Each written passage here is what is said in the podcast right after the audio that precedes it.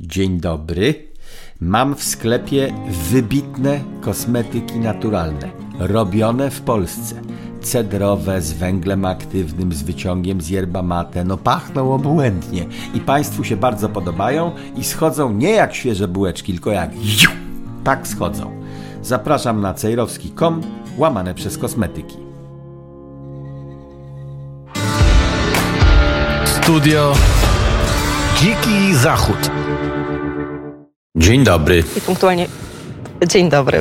E, Chciałam powiedzieć, że punktualnie godzina 18, więc rozpoczynamy studio e, Dziki e, Zachód. Wojciech Cejrowski, gospodarz studia. Witam ponownie. Dzień dobry. U mnie nie wiem, która godzina i trochę dudni, gdyż y, wynająłem salę konferencyjną w hotelu. Nie powiem Państwu gdzie, ale każdemu należą się wakacje, które niniejszym przerwałem na dwie godziny życia. Mm, Nic nie słychać, żeby dudniło. Głos jest e, bardzo czysty, więc możemy chyba przechodzić do pierwszego tematu. Proszę bardzo. Teraz. Tak, teraz coś było słychać. E, Zaczynamy od ostatnich danych opublikowanych przez agencję e, Bloomberga. To już było w zeszłym tygodniu. Zyski rosyjskich przedsiębiorstw pomimo mm, agresji na Ukrainę, pomimo zachodnich sankcji, okazało się, że w drugim kwartale tego roku wzrosły aż o 25%. To są dane, które e, no, zaskoczyły tutaj w Polsce nie tylko mnie, zaskoczyły także wielu ekspertów ekonomicznych. A jak, jak pan je odebrał? No to proszę sobie przewinąć e, studio Dziki Zachód wstecz, może do marca albo do kiedy tam, kiedy zaczęto wprowadzać te sankcje. Od początku mówiłem, że one nic nie dają z tego, co byśmy chcieli, żeby dali. Dlatego były wprowadzane kolejne transze tych sankcji. Pierwsze sankcje wprowadzili i potem w przeprowadzaniu drugiej transzy sankcji mówili, że no te pierwsze nie, nic nie dały, to wprowadzamy drugie i trzecie i dziewiąte. I teraz jest mowa chyba o jedenastej transzy różnych sankcji. Przez cały ten czas, skoro trzeba wprowadzać 11, to mamy wyraźne dowody, że poprzednie 10 nic nie dało. Bo gdyby przy dziesiątej transzy coś się zadziało po rosyjskiej stronie i tam zaczęli piszczeć od zaciśniętego pasa, no to nie musielibyśmy szukać kolejnych sposobów.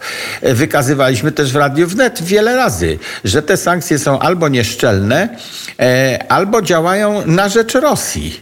Przecież nie kupowanie gazu, ropy i węgla, teraz y, kiedy zima nadchodzi, to widzimy, że szkodzi wcale nie ruskim, którzy sobie to sprzedadzą na innych rynkach, tylko szkodzi tym, którzy sankcje wprowadzili. Unia Europejska jest w panice. Jeśli chodzi o nadchodzącą zimę, jest w panice, jeśli chodzi o braki gazu. Oświadczenia, że magazyny niemieckie są zapełnione w 80%, e, rodzą takie same pytania, jak w momencie, kiedy Polska się chwaliła, że nasze magazyny są zapełnione. Ja wtedy zawsze stawiam pytanie, na ile dni starczają pełne magazyny przy teoretycznym założeniu, że są wypełnione po sufit, to na jaki czas starczy Niemcom tych zapasów? Bo można mieć, powtórzę, magazyn zapełniony w 100%, ale to jest jeden kanister benzyny, czyli przejadę na nim 200 kilometrów. Natomiast kto inny ma magazyny zapełnione w 3%, ale ma tysiąc kanistrów. No to każdy, kto miał kanister przy samochodzie wie, no masz bańkę pięciolitrową, co z tego, że ona jest w 100% zapełniona, jak na nic nie starczy, na dojechanie do najbliższej stacji. No więc opo- opowieści procentowe nigdy nam nic nie dają, a ja cały czas szukam w tych doniesieniach, pani mi przysyła różne linki, ja sam szukam różnych linków. Oni wszędzie mówią o procentach wypełnienia magazynów. W tym przypadku dzisiejszym, który omawiamy, Niemcy mówią, chwalą się. Natomiast nigdzie w tych opisach ja nie znajduję informacji, na jak długo starczy tych zapasów, w przypadku, gdyby Rosja zrobiła to, co zrobiła w zasadzie, czyli odcięła dostawy gazu, bo no, mamy usterkę, mamy usterkę, zieloni niemieccy nas popierali i kiedy przeciągnęliśmy tę rurę, w ten sposób nas popierali, że kazali nam montować różne czujniki i sprawdzać, żeby nie było wycieku do Bałtyku, żeby nie bulgotał gaz pod wodą. No to myśmy zgodnie z waszymi zielonymi restrykcjami zrobili wszystko jak należy jeden z czujników nam pokazuje, że chyba coś tam bulgoce. To zatrzymaliśmy gaz i zieloni niemieccy nas popierają. Zatrzymaliśmy cały gaz, nie jak tam nic nie może bulgotać, bo halibut się zadusi tym gazem tam albo będzie palił ogniska na dnie morza. Więc nic nie może bulgotać, nawet za cenę tego, że Niemcy zamarzną zimą. I to jest moja konkluzja. Zawsze są w każdym biznesie jakieś straty. W każdym działaniu typu Ale to też- sankcje. Są jakieś zyski i straty i trzeba było policzyć straty po naszej stronie, zanim się wprowadziło sankcje.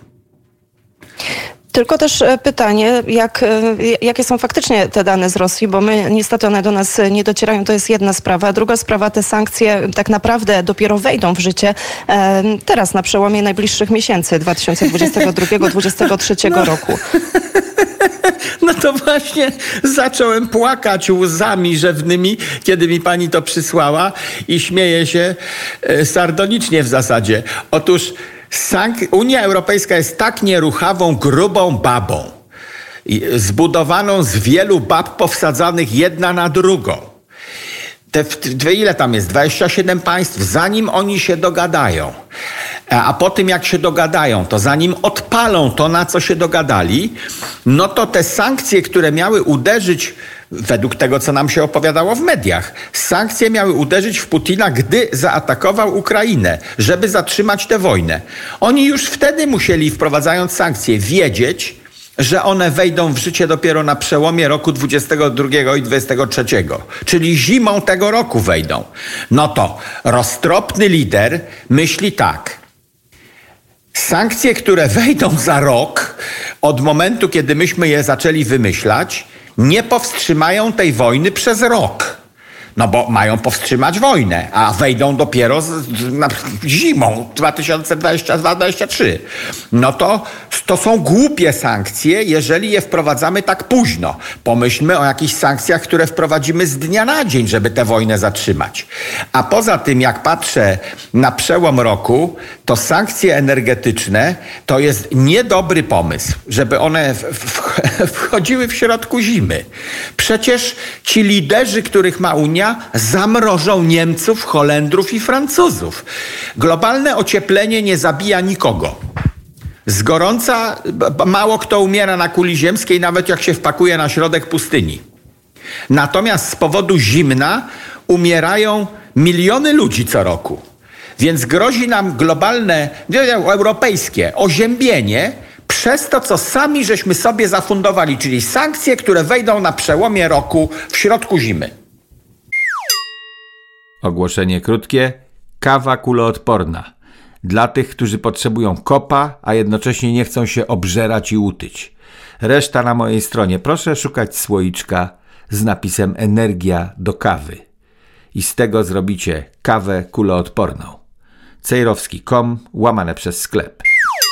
No chyba, że to będą sankcje, które nie zostaną zniesione ani za pół roku, ani za rok, jeżeli wierzyć e, części, zdaniom części ekspertów, że ta wojna może się rozciągnąć nawet jeszcze na wiele lat, e, co pewnie długoterminowo też w jakiś sposób w Rosję uderzy. No teraz Rosja sprzedaje oczywiście bardzo dużo e, ropy, nie wiem, do Chin, ale też w ten sposób się zadłuża, bo sprzedaje nie po, nie po cenie rynkowej.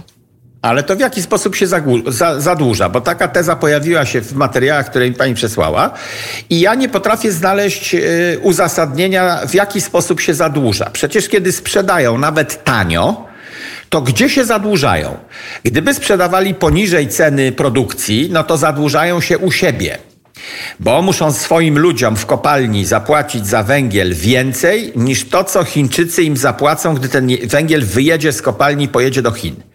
No to zadłużają się u siebie. A tutaj jest postawiona taka teza, ale bez uzasadnienia, że Ruscy sprzedając węgiel, ropę i gaz do Chin na masową skalę, sprzedając tanio, że się y, Ruscy zadłużają u Chińczyków. Tak tu jest napisane. To ja tego nie, nie rozumiem. W jaki sposób się zadłużają Chińczyków? Przecież sprzedają im, czyli dostają forsę od Chińczyków. No ale jak dostają mniejszą forsę, to też mniej e, mają w społeczeństwie. Jest zubożenie społeczeństwa, tego też nie bierzemy pod uwagę, bo pewnie inaczej zareaguje, nie wiem, Niemiec, któremu średnie e, PKB spadnie, a inaczej inne ma podejście, być może, ja tego też nie wiem, ale być może inne ma podejście człowiek taki e, e, rosyjski czy, czy człowiek sowiecki. Chodzi mi o to, że też e, może dużo więcej znieść, przetrwać i nie wyjdzie, nie będzie demonstrował. Dobra, a, dobra, dobra. No bo to, z tym też... Mhm. Ale zakończmy najpierw temat tego zadłużania. Czy pani znalazła gdziekolwiek wytłumaczenie, w jaki sposób się Ruscy zadłużają u Chińczyków, sprzedając Chińczykom węgiel? Bo ja tego nie, nie widzę. Sprzedają im ten węgiel tanio. No, ale sprzedają. E, W Rosji siła robocza też jest tania i e, ta, ta druga część, y, którą pani omawiać zaczęła, że społeczeństwo rosyjskie zubożeje, ale się długo nie zbuntuje, bo to są sowieckie buty, tam maszerują po nich i oni się boją trafić do obozu, w związku z tym buntować przeciwko władzy się nie będą, nawet nie umieją tego robić. To jest prawda. Więc Putin może sobie kalkulować, nawet gdyby ceny na rynku wewnętrznym wzrosły, to ludzie po prostu będą kupowali mniej towarów luksusowych. Może jakiś oligarcha trochę zbiednieje, bo to on handluje węglem. Natomiast robociarz w kopalni dostaje zawsze tyle samo. Nie wierzę w to, że oligarcha rosyjski dzieli się swoimi zyskami z gościem, który na dnie kopalni ryje w ziemi. Nigdy się nie dzieli. Ta cena na, na gościa, to- który ryje w kopalni jest stała i on tam mu płaci minimum, które temu facetowi wystarcza na przeżycie, żeby się nie buntował, nie podskakiwał i dosyć dobrze pracował. Więc jeżeli e, obniżyłem cenę e, ropy, węgla i gazu, po której sprzedaję za granicę, to moje zarobki, moje, czyli oligarchy są niższe. Natomiast tym ludziom pod ziemią to ja płaciłem zawsze tyle samo. No a z drugiej strony ja też nie wierzę, że Chiny e, pomagają w taki sposób, żeby bardzo dużo na tym nie zyskiwać i Rosja na tym nie traci. I tutaj zacytuję, znowu to jest akurat agencja Bloomberga, jeszcze nowszy raport. Mm, I to jest, e, pierwszy raport to jest ten przygotowany przez rosyjski bank centralny, że aż 17% rezerw walutowych, które zostały zainwestowane mm, w chińskie juany jest teraz zablokowany przez, e, przez chińskie władze. Druga informacja jest e, taka, że mm, potrzebna jest teraz nowa międzynarodowa umowa, którą Chińczycy nie chcą Rosji dać, czyli nie ma mm, e, zgody tego Pekinu i już jest ten element też szantażu, no bo Rosja teraz mimo wszystko stoi też przed takim no, narastającym kryzysem gospodarczym. Ale to ja bym nawet tego szantażem nie nazywał. E, Tylko to jest normalny handel. Te dwa systemy są do siebie bardzo podobne. To są komunistyczne systemy, co byśmy tam o Rosji nie mówili, że kapitalizm wprowadził. Wprowadził kapitalizm dla oligarchów e, do kontaktów z zagranicą. Natomiast na rynku wewnętrznym to jest taka sama komuna, jaka zawsze była, bo e, rządzili wtedy sekretarze, a teraz rządzi oligarcha. Na to samo wychodzi. E, System chiński też komuna. I teraz oni, kiedy mają wspólnego wroga typu Zachód, to się jednoczą, ale nadal się nienawidzą. Rosja z Chinami, komunistyczna Rosja i komunistyczne Chiny, o, oni zawsze się nienawidzili, bo konkurowali o to, kto jest głównym komunistą na kuli ziemskiej. No i Chińczyk w oczywisty sposób będzie wygrywał jakieś swoje interesy. Już kupują paliwa tanio. E, I to się Chińczykom opłaca. A dodatkowo jeszcze wiedząc, że Putin jest w trochę trudnej sytuacji na Zachodzie, to jeszcze mu gdzieś tam utrudnią trochę życie. Ale nie do tego stopnia, żeby im Putin padł. Bo Putina mogą nie lubić Chińczycy jako ko- własnego konkurenta komunistycznego, ale jednocześnie wiedzą, jak bardzo jest potrzebny do niszczenia Unii Europejskiej. A kiedy Putin im zniszczy Unię Europejską, już im zniszczył, bo jest podzielona, pokłócona, zabija się ekonomicznie, za chwilę przyjdzie ciężka zima, już gaszą latarnie na ulicach w Niemczech.